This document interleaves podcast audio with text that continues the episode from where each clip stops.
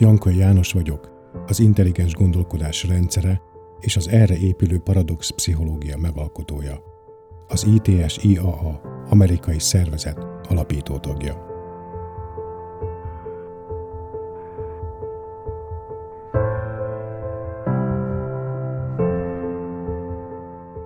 Podcastjaink segítségével egy nagyszerű kalandban vehetsz részt. Az emberi elme felfedezésének és megértésének kalandjában. A tét óriási, a feladat pedig igazi kihívásnak számít. Alkuk nélkül akarunk válaszokat találni arra, hogy miért élünk úgy, ahogy. Miért élnek az emberek inkább zavardottságban és szomorúságban, mint hogy változzanak. Ezért átvilágítjuk és nagyító alá helyezzük az elme természetét, megértve létezésünk egészét és ahogy haladunk majd, egyre tisztában láthatjuk önmagunkat, azon belül pedig ellentmondásainkat és önbecsapásainkat. Ha egyszer megértjük, hogy valójában milyenek is vagyunk, és mindezt úgy tesszük, hogy közben nem akarunk valamilyennek lenni, elemi átalakuláson mehetünk keresztül.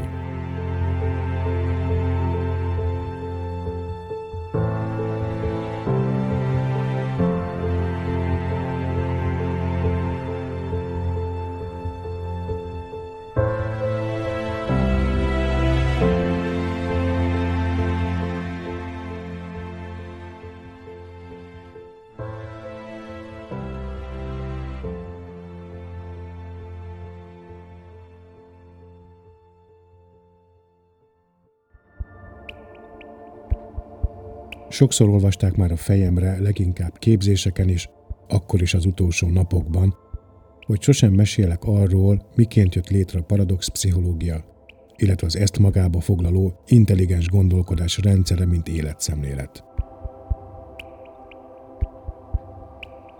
És való igaz, nem szeretek és nem is szoktam beszélni erről, aminek persze több oka is van. Mivel azonban tisztában vagyok azzal, hogy szeretjük tudni, minek mi a története, így aztán a készülő könyvben részletesen lesz szó a kezdetekről. Ugyanakkor, mielőtt még a fantázia szárnyalni kezdene, már most ki kell, hogy ábrándítsak mindenkit, ugyanis sztorimnak nincs semmiféle keleti vonatkozása. Nem jártam sem Indiában, sem pedig Tibetben, így aztán nem világosodtam meg bölcs guruktól és nagy tudású mesterektől sem. De nem voltak felismeréseim varázsgombától és LSD-től, nem találkoztam belső gyermekemmel, és nem szólt hozzám egyetlen magasabb szinten rezgő szellemi lény sem.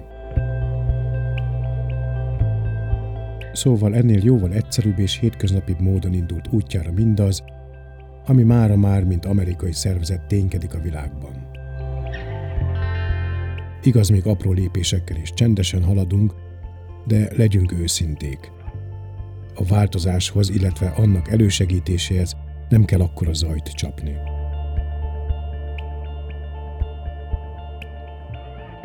És lehet, hogy megszoktuk a sót és a csindadrattát, azonban ha azt gondoljuk, hogy minél nagyobb a hangzavar, annál igazibb az, amit hallunk, tévedésbe esünk ugyanis a hiteles és valódi változás mindig csendben történik, elrejtve a szenzációra és csodákra éhes tekintetek elől. Lármázni pedig leginkább akkor szoktunk, amikor félünk meglátni azt, ami a valóságban zajlik. Ezért aztán minden, ami a csend égisze alatt történik, sokszor fájdalmasabb tud lenni, mint a legfülsiketítőbb hangzavar, ám ennek cserébe garantálom, nagyobb erővel is bír.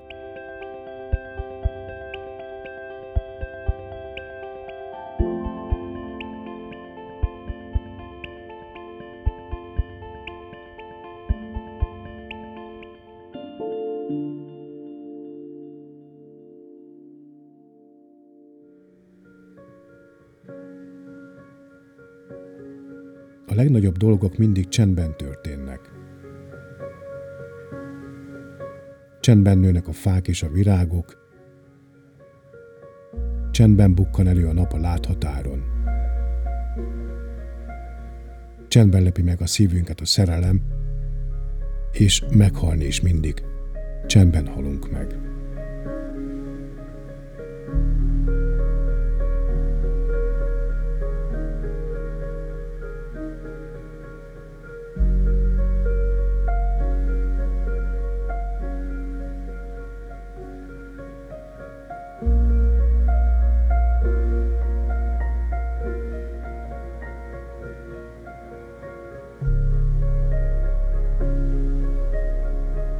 Az a gondolkodásmód, amivel a podcastok hallgatása közben találkozhatsz, nem akar meggyőzni semmiről. Legfőképp arról nem, hogy miről mit kellene gondolnod, vagyis mi az, ami helyes és mi az, ami helytelen. Ezért aztán nem fogsz találkozni semmiféle divatos keleti filozófiával és jópofa példázatokkal, nem hivatkozunk különböző tudományos elméletekre, nem osztok meg veled csodagyógyulásokról szóló sikertörténeteket, és természetesen nem közvetítem Isten gondolatait sem. Nem akarom, hogy a jelenben élj, nem adok útmutatásokat, hogy miként kellene meditálnod, és azt sem kérem tőled, hogy engedd el a múltad és bocsáss meg másoknak. És még valami, amit nem csinálunk nem fogjuk gondjaink, zavarodottságaink és fájdalmaink okát generációs traumákra és egyéb spekulatív dolgokra kenni. Ugyanis ha mindezek segítettek volna, ha ezek közül bármi is valóságos hatással bírna az emberre, a változás már rég megtörtént volna, és egy egészen másfajta társadalomban élnénk.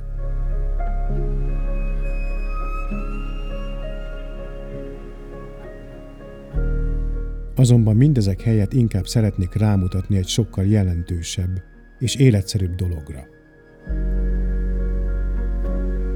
Annak lényegére, hogy mennyire fontos lenne, ha képesek lennénk együtt lenni és együtt gondolkodni. Ugyanis amikor valóban együtt vagyunk és az életről, gondjainkról és problémáinkról beszélgetünk, mindegy, hogy egyet értünk-e vagy sem, mert csak egy dolog a fontos – az együttlét minősége. És a két ember közt helyes a kapcsolat, ha együttlétüket nem a remény, a félelem vagy az önsajnálat mozgatja, helyette inkább az egymás és az élet megértése iránti természetes kíváncsiság, minden probléma láthatóvá, érthetővé és ezáltal pedig életük konfliktusmentessé válhat.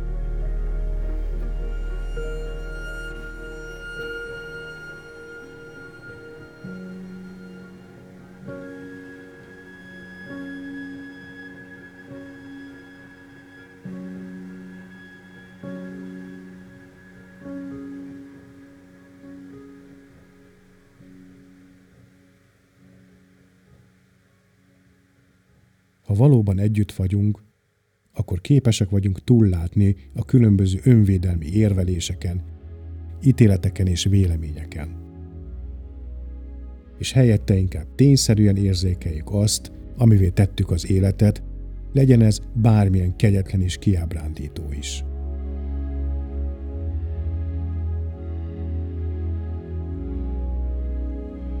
A megtévesztés felismerése maga az igazság.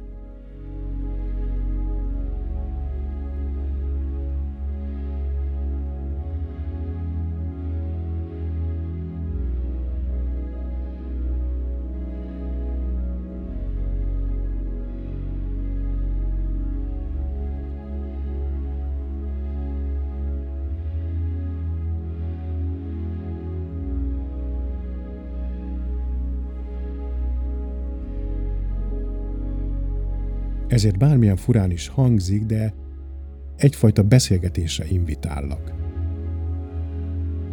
Egy olyan beszélgetésre, ahol mindketten aggódunk nem csak önmagunkért, de egymásért is. Te én értem, és én te érted. Vigyázzuk egymást, figyelünk egymásra, és készen állunk nem az életünk, hanem a teljes élet megértésére. És mivel komolyak a szándékaink, így tisztán és tényszerűen akarunk látni mindent. Ugyanis tisztában vagyunk annak felelősségével, hogy addig, amíg megtévesztjük önmagunkat, mindenki mást is megtévesztünk.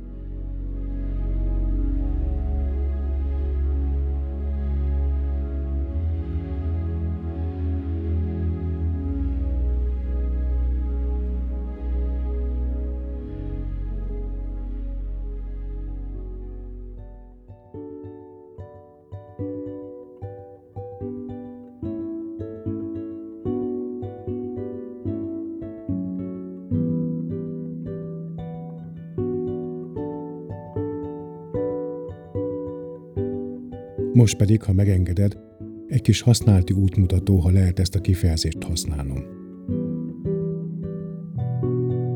A podcast bizonyos részeinél a megszokottnál hosszabb, akár 30-40 másodperces szünetekkel is találkozhatsz. Ezek a pillanatnyi zenés csendek lehetőséget biztosítanak majd arra, hogy miközben elmélyedsz magadban, ne csak intellektuálisan értsd meg azt, amit hallottál, hanem mélyebb megértésre találhass. Másként kifejezve, ne csak a felszínen hullámzó gondolataid és érzeteid mozduljanak meg, hanem mélységeiben érezhess rá az elhangzottak mögöttes tartalmára. Ekkor érzékelésed nem csak egyéni, hanem kollektív szinten is megnyilvánulhat.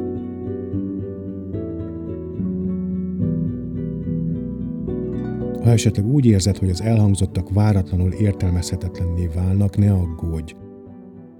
Ennek legfőbb oka, hogy jelenlegi gondolkodásmódod a felvétel hallgatása közben egy, a megszokott iránytól eltérő gondolkodási folyamattal találkozik, és miközben igyekszik vele kapcsolódni, nem mindig tudja ezt megtenni.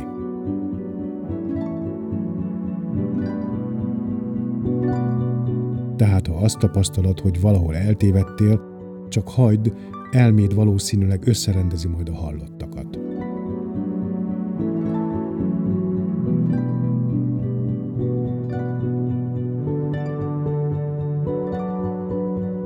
Mindemellett természetesen kerülünk mindenféle pszichológiai és egyéb szakkifejezéseket, hisz szakkifejezéseink még soha nem oldottak meg egyetlen problémát sem.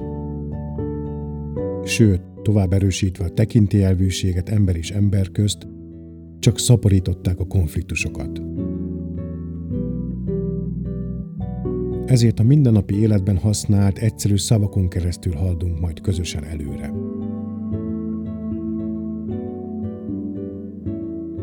Ennek eredményeképp a tudatodban megérintődhetnek majd olyan sémapontok, melynek hatására mindenféle erőfeszítések nélkül szabadulhatsz meg feszültségeitől, vagy akár szorongásodtól.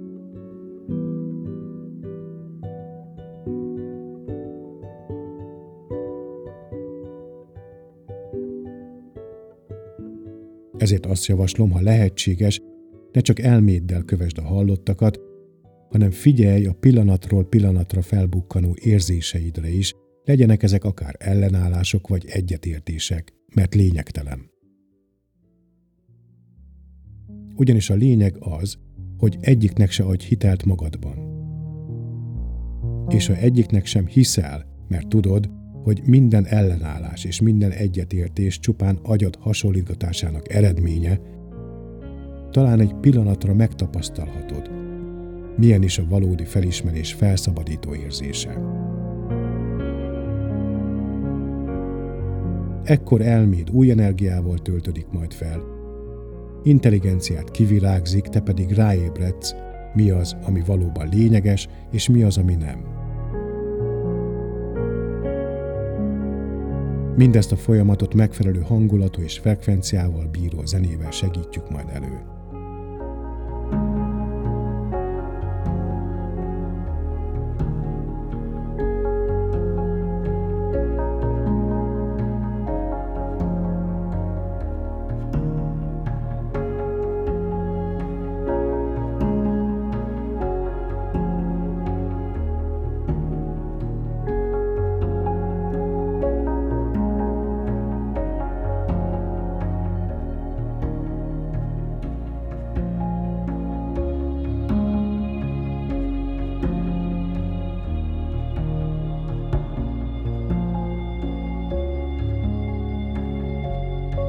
Most pedig bevezetésként foglaljuk össze néhány mondatban mi az, amit az első részben közösen megértettünk.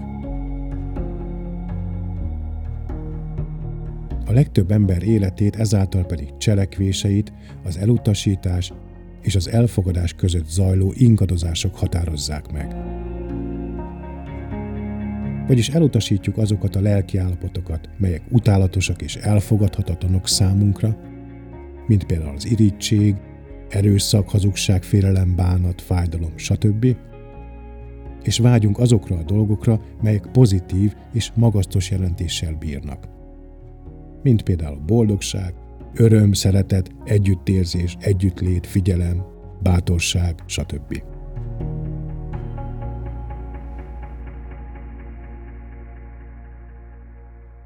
E folyamatos lelki lobbizás eredményeként jelenik meg bennünk aztán a valamilyenek lenni akarunk, és ennek ellentéte, az ilyenek pedig nem akarunk lenni, mint két egymással szemben álló vágyak. Például boldogokká és felszabadultakká akarunk válni, illetve nem akarunk boldogtalanok vagy függők lenni.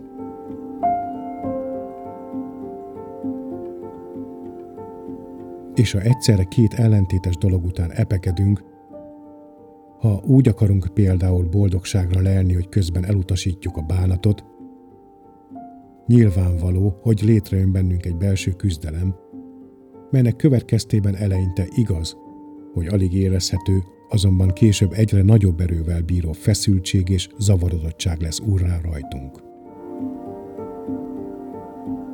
És minél feszültebbek vagyunk, annál nagyobb eséllyel kezdünk el szorongani és bezárkózni, és válunk lelkileg kimerültebbé.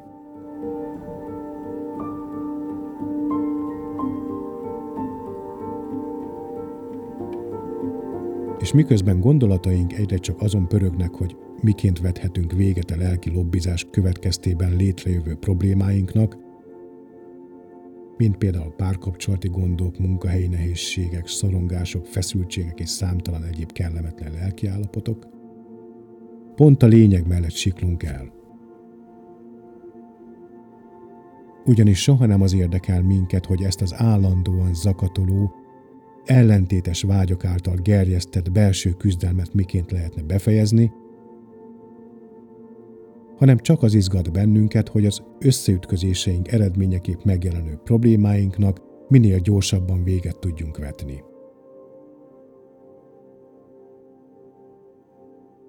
Azonban addig, amíg a következmények megszüntetésével foglaljuk le magunkat, ahelyett, hogy a forrással foglalkoznánk, csak idő kérdése, hogy mikor kezdünk el ismét szorongani, feszülté válni, párunkkal, munkatársainkkal vagy barátainkkal összezördülni.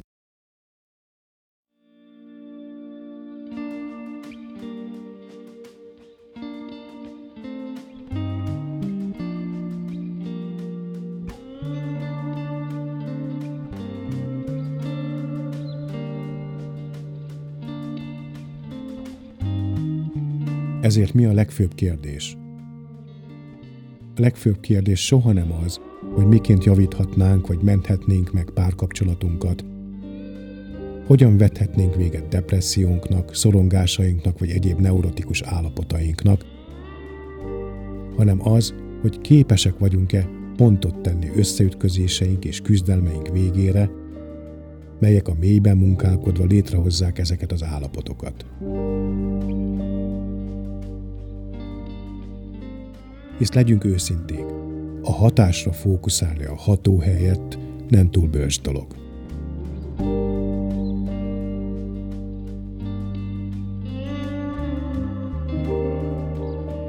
Ugyanakkor, ha nincs bennünk semmiféle küzdés, a lelkünkben rend van és békesség, minden létező problémát könnyedén átláthatunk és megoldhatunk. Addig azonban, amíg összeütközés van bennünk, zavarodottak leszünk, a zavar pedig konfliktushoz, széteséshez és lelki fáradtsághoz vezet. Ha pedig lelkileg fáradtak vagyunk, minden, amit teszünk, nem lesz több, mint össze-vissza vagdalkozás.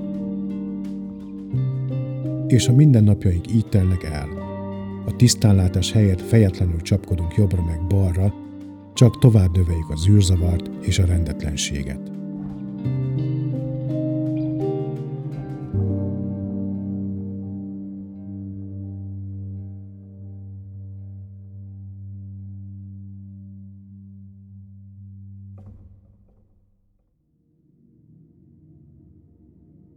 Fejetlen csapkodásról, illetve az ehhez tartozó küzdelemről eszembe jut egy régi sztori. Igaz, hogy csak néhány évig ismerkedtem az ökölvívással, de sok idő nem kellett ahhoz, hogy a ring izgalmas dolgokra tanítson meg. Többek között arra, hogy ütni mindig pontosan kell. Nem pedig ész nélkül, abban bízva, hogy majd csak beviszünk egy-egy találatot, és ha mázlink van, győztesként hagyhatjuk el a ringet. Ugyanis ha elveszítjük a fejünket és össze-vissza csapkodunk a kötelek közt, nem csak, hogy rengeteg energiát pazarlunk el és pillanatok alatt kifáradunk, hanem a fáradtság véget figyelmünk is szétszóródik. És ha nem figyelünk, ha fejben nem ott vagyunk, ahol testileg is, igen gyorsan padlóra kerülünk.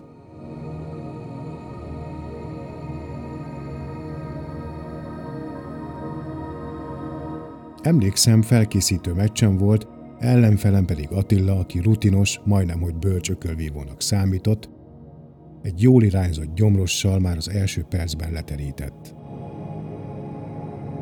A jó boxoló, jegyezte meg edzőm, cselekszik, a bolond pedig csak reagál. Érted, amit mondok? kérdezte reket hangon Palibá, miközben az öltöző vécéje előtt térdepeltem az előzőleg bekapott ütéstől öklendezve.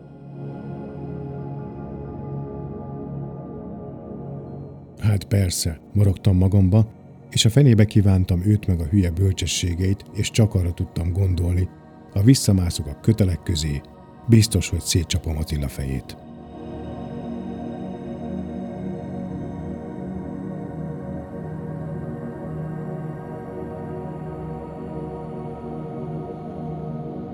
Aztán persze nem így lett. Játszott velem egy kicsit, néha megszurkált az egyeneseivel, majd amikor látta, hogy agyamat kellő mértékben elborítja a köd, és elértem azt a pontot, amikor az ember összeszorított fogokkal küzd, mert már csak egyetlen dolog számít, hogy nyerni akar, nyerni bármi áron is, unott egykedvűséggel kiütött.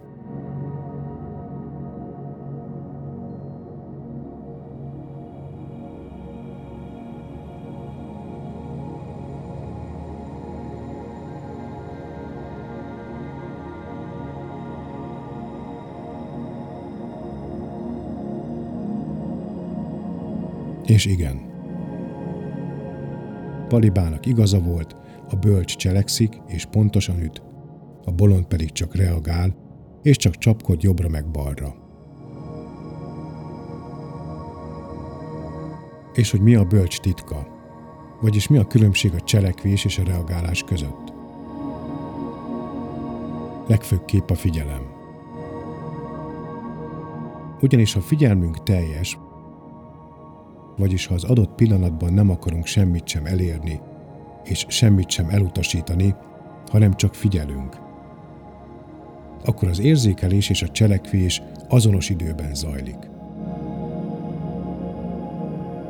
E konstelláció pedig nem csak a ringben, vagyis az élet fizikai oldalát tekintve hasznos, hanem lelkéletünk során is igencsak előnyös tud lenni. Olyannyira, hogy akár életet is menthet.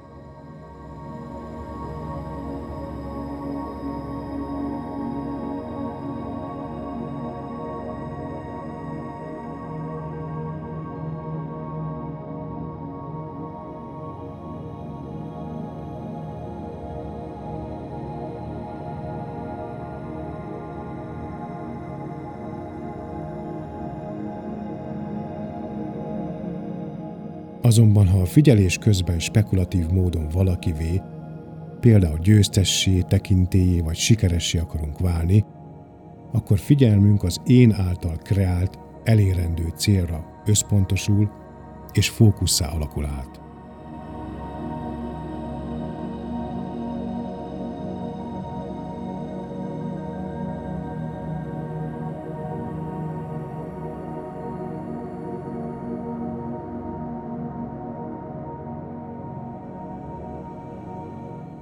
Amikor fókuszálunk valamire, igyekszünk minden gondolatot kirekeszteni az elménkből, annak az egynek a kivételével, amelyre koncentrálni akarunk. És mivel a fókusz mindig kirekesztéssel és fegyelmezéssel jár, így energiánk egy részét az ellenállás köti le. Ezért az adott helyzet megértése helyett szakadék támad köztünk és a valóság között.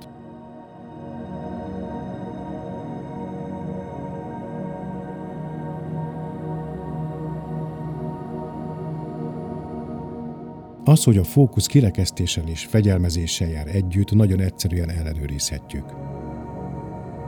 Tegyünk magunk elé két tárgyat, és látni fogjuk, ahhoz, hogy az egyikre teljes egészében koncentrálni tudjunk, el kell vonnunk a tekintetünket a másikról.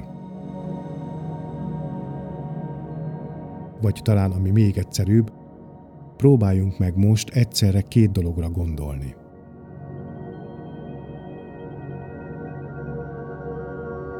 És a helyzet ugyanaz lesz.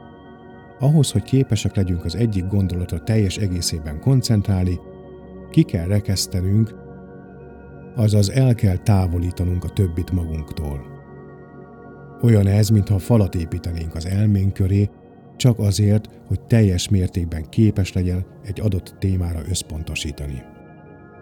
Ez pedig óriási energiát igényel.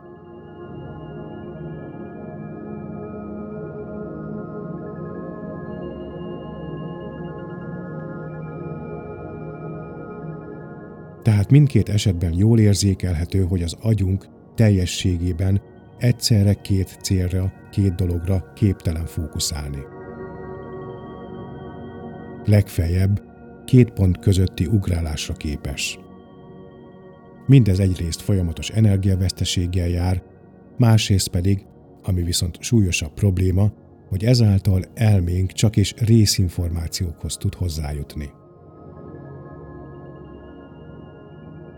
E folyamatot parciális, másként kifejezve töredezett gondolkodásmódnak hívjuk.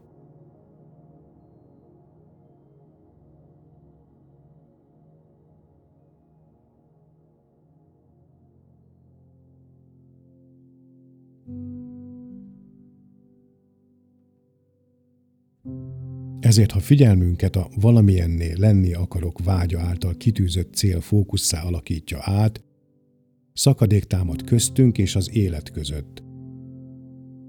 Mivel az egész helyet csak annak bizonyos töredékeit vagyunk képesek érzékelni.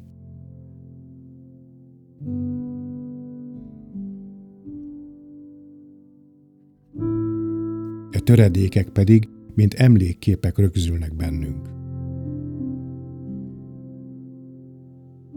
Azonban a félinformációkból, vagyis az emlékképekből táplálkozó elme sosem lesz képes egy adott élethelyzetre teljes értékű válaszokkal szolgálni.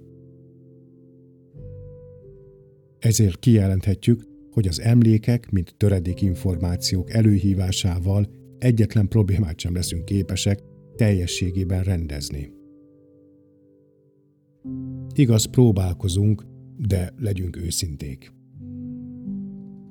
Lehet, hogy az emlékekkel való játszadozás által átmenetileg felszabadulhatunk bizonyos lelki terhek alól, azonban gondjaink újból és újból ismétlődni fognak. Egészen addig, amíg nem leszünk képesek a teljeset érzékelni, ami viszont csak is a figyelem állapotában valósulhat meg.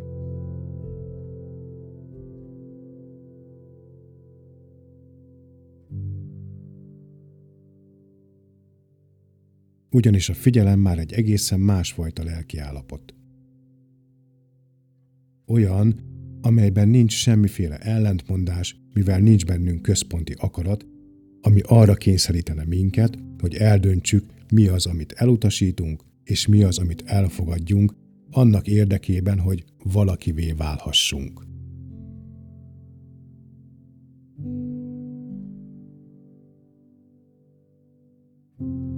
Ezért aztán mindig az egészet látjuk, nem pedig annak valamelyik töredékét.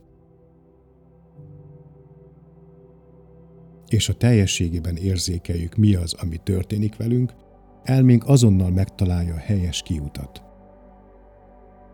vagyis az érzékelés és a cselekvés, mint határtalan konstelláció egy időben fog bekövetkezni.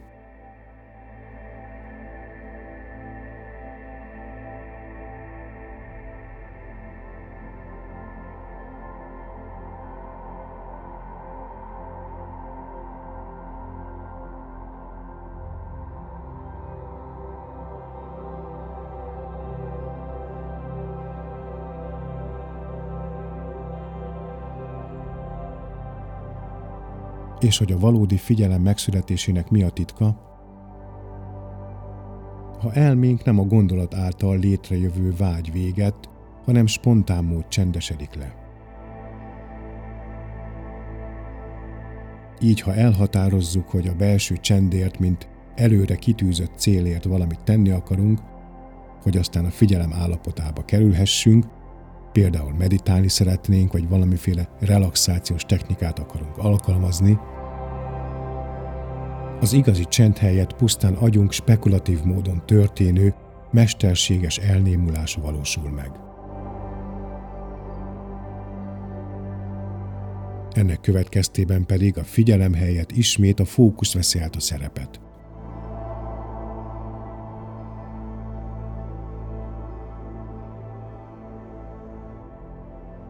Hisz gondoljunk csak bele. Egy előre megtervezett folyamat hogyan tudna természetes, spontán dolgot létrehozni. Nyilvánvaló, hogy sehogy. Így aztán elménk nem elcsendesedik, csak a háttérbe húzódik, ide-oda történő ugrándozása pedig nem megszűnik, csupán lelassul. És hiába hisszük azt, hogy a jelenben, a flowban vagy valamilyen isteni állapotban vagyunk, mert nem. Pusztán rendszerünk trükközik velünk, mi pedig továbbra is megtévesztjük önmagunkat, ezzel pedig nyilvánvaló módon másokat is. Leginkább akkor, amikor gondolataink árnyékát összekeverjük isteni bölcsességekkel és más magasabb rendűnek vért sugalmakkal.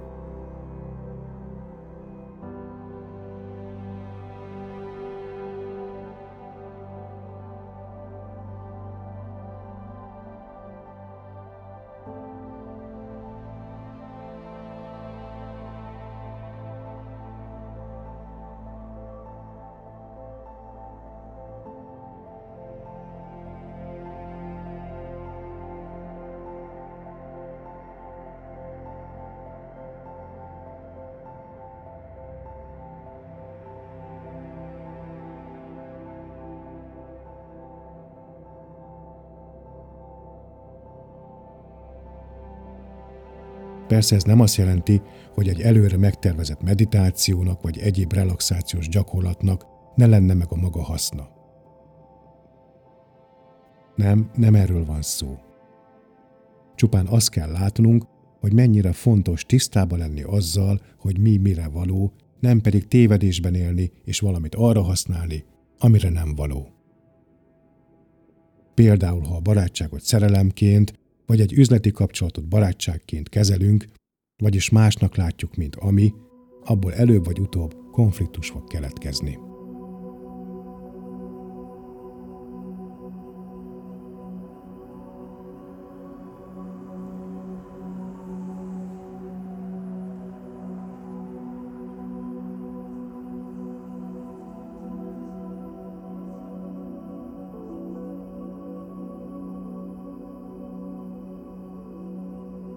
Ezért, ha pihenni szeretnénk, ha lelkileg ideiglenes feszültséglevezetésre vágyunk, vagy ha fizikai szinten akarunk ellazulni és szeretnénk testi egészségünket előmozdítani, nos, akkor kocogjunk, relaxáljunk, meditáljunk vagy jogázzunk, tegye mindenki azt, amit szeretne, és amihez kedve van, mert lényegtelen.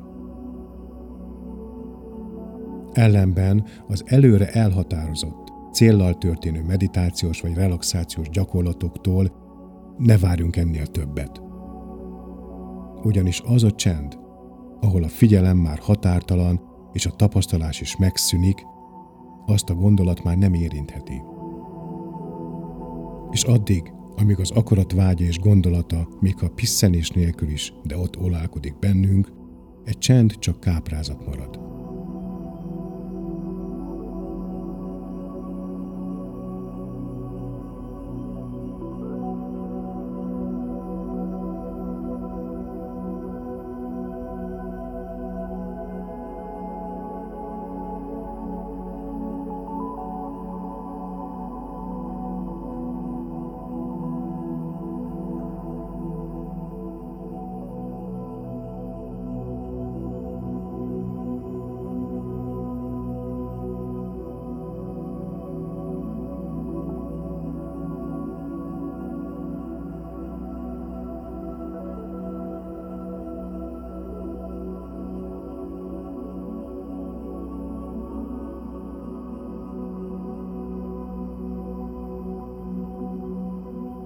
Persze van itt azért jó hír is.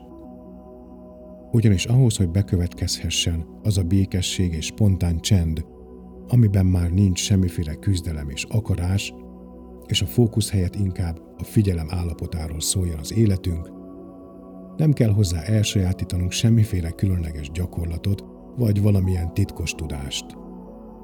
Még akkor sem, ha erről akarna minket valaki meggyőzni. Ugyanis untig elegendő, ha megszületik bennünk az erre való természetes igényünk.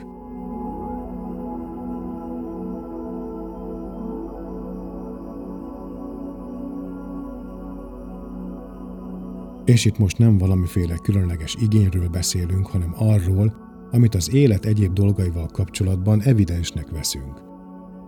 Mint például táplálkozás, öltözködés, vagy egy biztonságos otthon megteremtése, ahol pihenhetünk.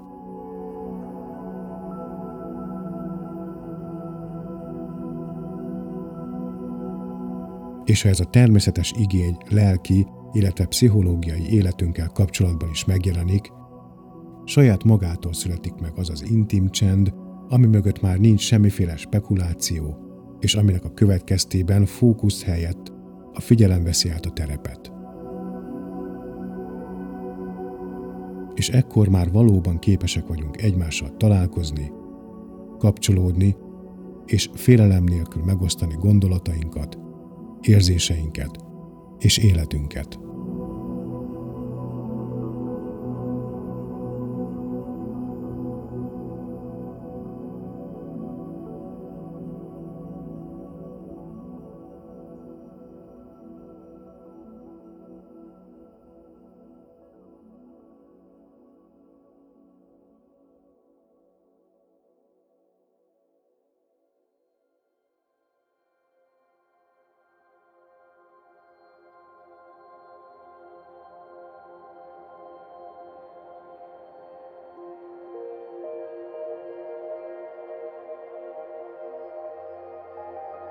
Persze nem olyan misztikus dolog ez, nézzünk egy egyszerű példát arra, hogy mindez miként valósulhat meg a hétköznapok során.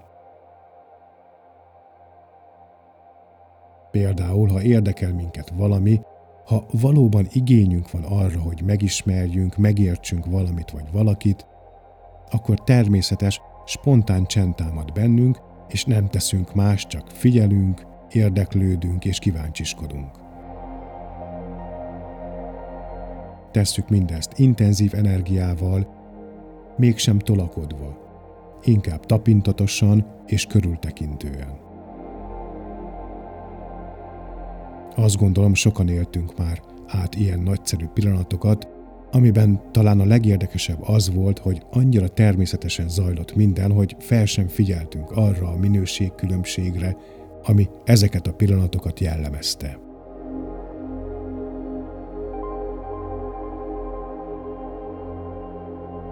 De nézzünk egy másik példát.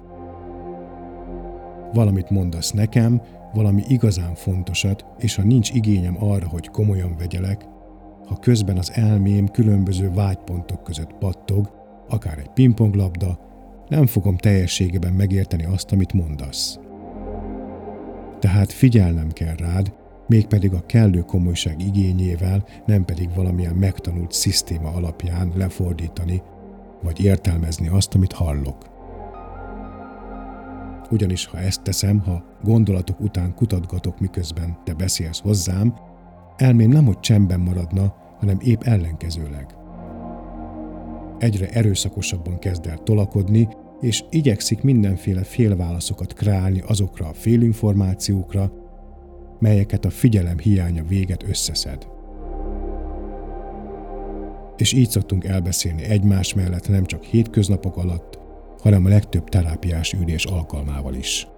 Mind kliensként, mind pedig terapeutaként.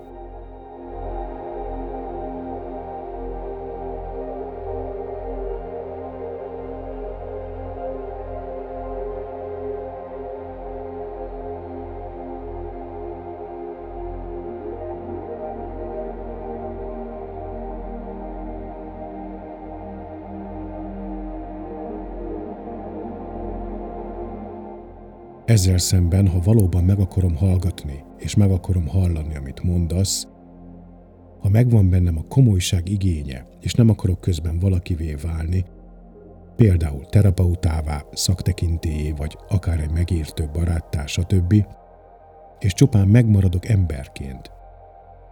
Elmém nem mozdul, nyugodt marad, és mindenféle koncentráció nélkül tökéletesen figyel. Ekkora megértésnek mélysége van, és ez a mélység bármilyen sebet képes begyógyítani. Mindenféle küzdelmek nélkül. És ehhez nincs szükség sem hitre, sem pedig Istenre. Nem kell meditálnunk, analizálgatnunk, múltban bolyonganunk és különleges spirituális gyakorlatokat végeznünk, és nem is kell valamilyen mesternek, gurunak vagy szaktekintének lennünk. Csak szeretni kell. Nem a másikat, nem önmagunkat, hanem az életet.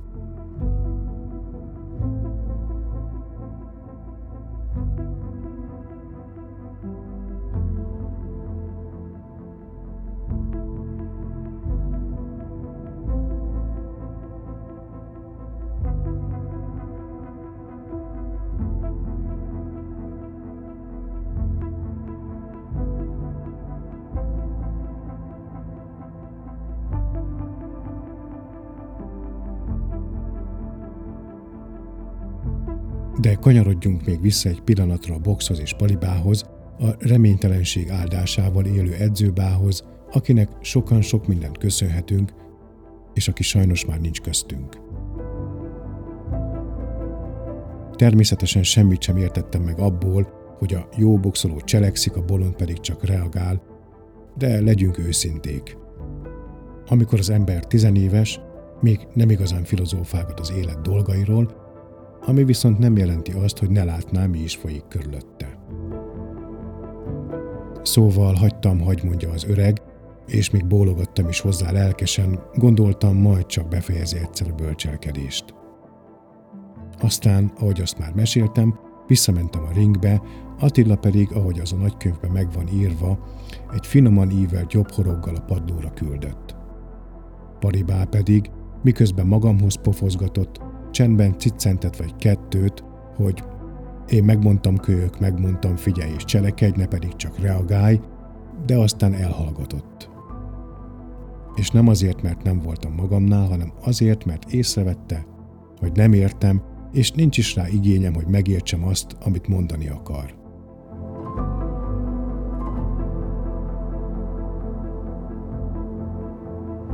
Aztán eltelt vagy harminc év, a sorsom pedig úgy alakult, hogy az élettel is ringbe kellett szállnom. És hidd el, neki aztán irdatlan nagy kesztyűje van, hanem a legnagyobb. És ha egyszer betalál, már pedig mindig betalál, féltve őrzött rendszerünk gyorsan és könnyedén omlik össze, magával rántva mindent, amiben addig hittünk és amire addig támaszkodtunk. És ha ez bekövetkezik, ha az élet padlóra küld, mi pedig átpréselődünk tragédiánkon úgy, hogy közben nem állunk meg az önsajnálatunk szintjén, ránk találhat az a bizonyos belső igény, amely már tisztán láttatja velünk a dolgokat, és amely a szeretetből fogad. És ebben az állapotban már nem azonosulunk semmivel és senkivel, csak a spontán csend van. Küzdelem nélküli, érdeklődő, nyitott és fogékony csend. Na meg a figyelem. Életünk pedig, miközben meghal, újra teremtődik.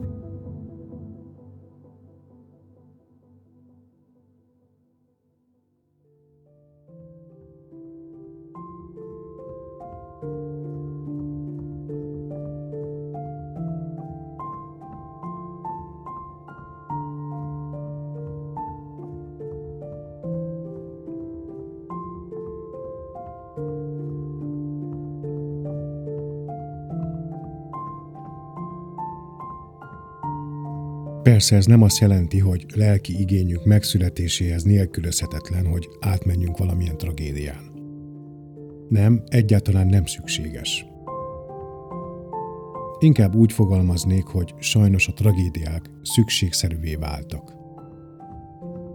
Ugyanis amikor életünkben elérkezik az a pont, hogy megalkuszunk és azt mondjuk, rendben az élet olyan, amilyen, és beletörődünk mindazokba a szenvedésekbe és gonoszságokba, melyek körbevesznek minket, a legtöbb esetben egy váratlanul bekövetkező tragédiára van szükség ahhoz, hogy felébredjünk és kimozduljunk érzéketlenségünkből.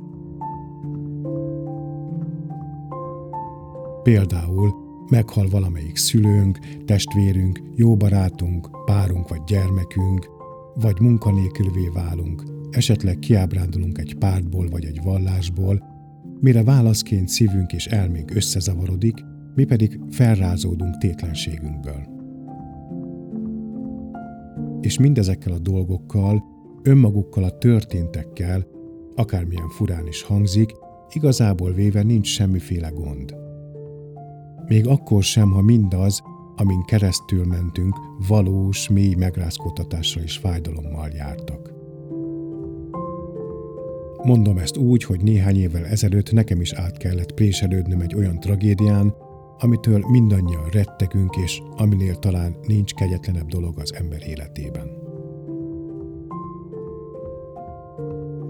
Tehát valójában nem a tragédiákkal, traumákkal és az ezekkel járó fájdalommal és szenvedéssel van a probléma, hanem inkább azzal, amit a legtöbb esetben ilyenkor teszünk. És mit teszünk?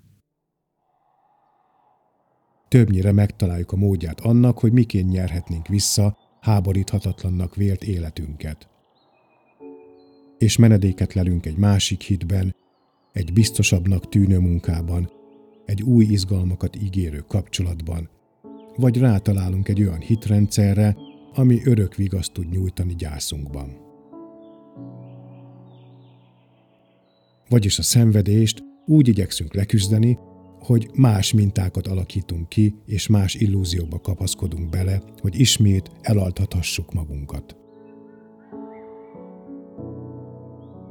Azonban az élet újból ringbe fog minket hívni, és addig taktikázik, amíg be nem szorulunk a sarokba, és egy jól irányzott ütéssel szét nem zúzza a nyugalmunkat. Mire mit teszünk ismét? Újabb védekezést találunk ki, egy új vallásban, egy új hivatásban, vagy egy új kapcsolatban, vagy egy új pártban. És így megy ez, ki tudja meddig. Azonban a folyamat, ha bár kegyetlenségnek tűnik, addig nem áll le, amíg fel nem ébred bennünk annak igénye, hogy olyan kérdéseket kezdjünk el feltenni, melyek már nem egy újabb menedék létrehozásával függenek össze, hanem valami mással. Azoknak a dolgoknak a megkérdőjelezésével, melyekben addig váltig hittünk, hogy helyesek. Ugyanis csak így leszünk képesek megérteni önmagunkat, önmagunkon keresztül pedig minden mást is. És ha megértéssel lelünk, minden probléma megoldhatóvá válik. Lehet, hogy észszerű lenne ennek bekövetkeztét nem életünk utolsó pillanatáig húzni. Kiki döntse el saját maga.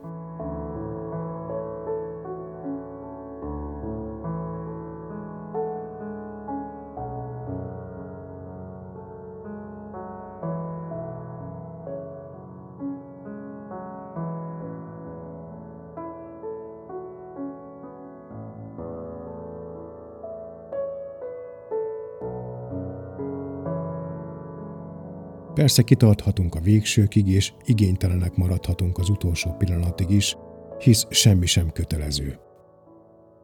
És le lehet élni egy életet úgy is, hogy mások mondják meg, mi a helyes és mi nem, és mi az, ami jó nekünk és mi nem. Sőt, gondolhatjuk azt is, hogy a szembenállás, az ellenségeskedés az élet természetes részei, és valójában csak arra kell törekednünk, hogy amennyire csak lehet, megússzuk a dolgokat. És ha ez így van, ha ezt a szemléletet tartjuk helyén valónak, akkor egyszerűen csak tovább kell folytatni séma életünket. Ha pedig néha összeomlunk, hisz tudjuk, hogy az életnek írdatlan nagy kesztyűje van, na bum. Legfeljebb keresünk egy módszert, aminek a segítségével egyik sémánkat kicserélhetjük egy másikra, tovább ápolva bennünk a legfőbb reményünket, hogy holnap talán majd jobb lesz.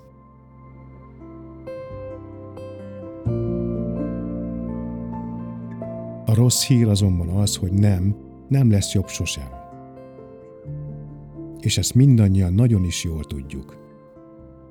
És nem csak azért, mert az, aki át akarja írni szoftverünket, ő is épp ugyanazon sémák alapján éli az életét, mint mi. Hanem van egy ennél mélyebb oka is. Mégpedig, hogy a ma tettei nem csak a tegnap következményei, hanem egyúttal a holnap okai is. És ezen érdemes lenne egyszer igazán komolyan elgondolkozni. Ugyanis pontosan evéget ismételjük újra és újra mindazokat a dolgokat, melyekről azt gondoljuk, hogy már réges-rég megoldottuk.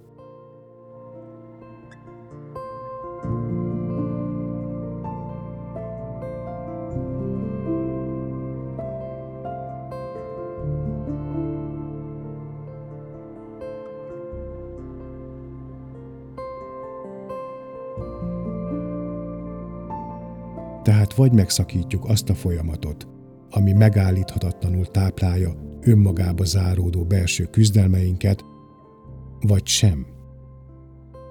Sok választásunk nincs. Ezért aztán addig, amíg a megúszás iránti vágy erősebb bennünk, mint a valódi átfordulás iránti igény, és megelégszünk az időszakos séma átírásokkal, a vágyott békés és biztonságos élet csak álomkép marad.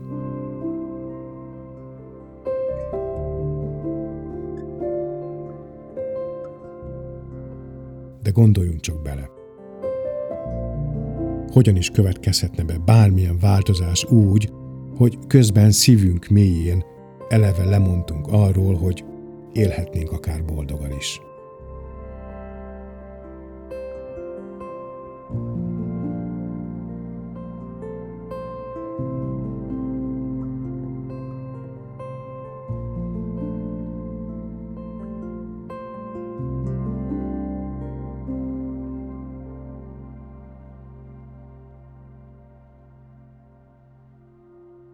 Ellenben, ha rendelkezünk kellő igényel, és mindenféle ösztökélés nélkül állunk neki kideríteni, hogy miért élünk úgy, ahogy, hogy miért tartjuk erénynek a küzdelmet, az erőfeszítés vagy a becsvágyra épülő sikert, és felfedező utunkat nem befolyásolja a tekintélyelvűség félelme, ekkor és csak is ekkor gondolatainknak a megszokott helyet egy egészen új irányt fogunk adni.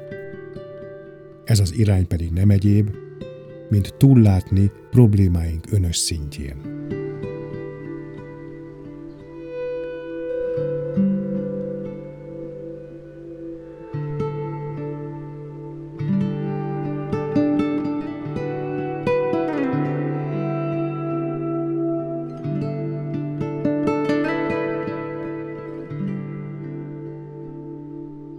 És ezt megtesszük, tudatunkat végpontok nélküli tudatossággal irányítjuk az élet teljes megértése felé. Elménk nyitottá, tisztává, kreatívvá és figyelővé válik. Nem pedig küzdővé, kapkodóvá és csapkodóvá. Így válik aztán cselekvésünk nem csak mélyrehatóvá, hanem egyben felszabadítóvá is.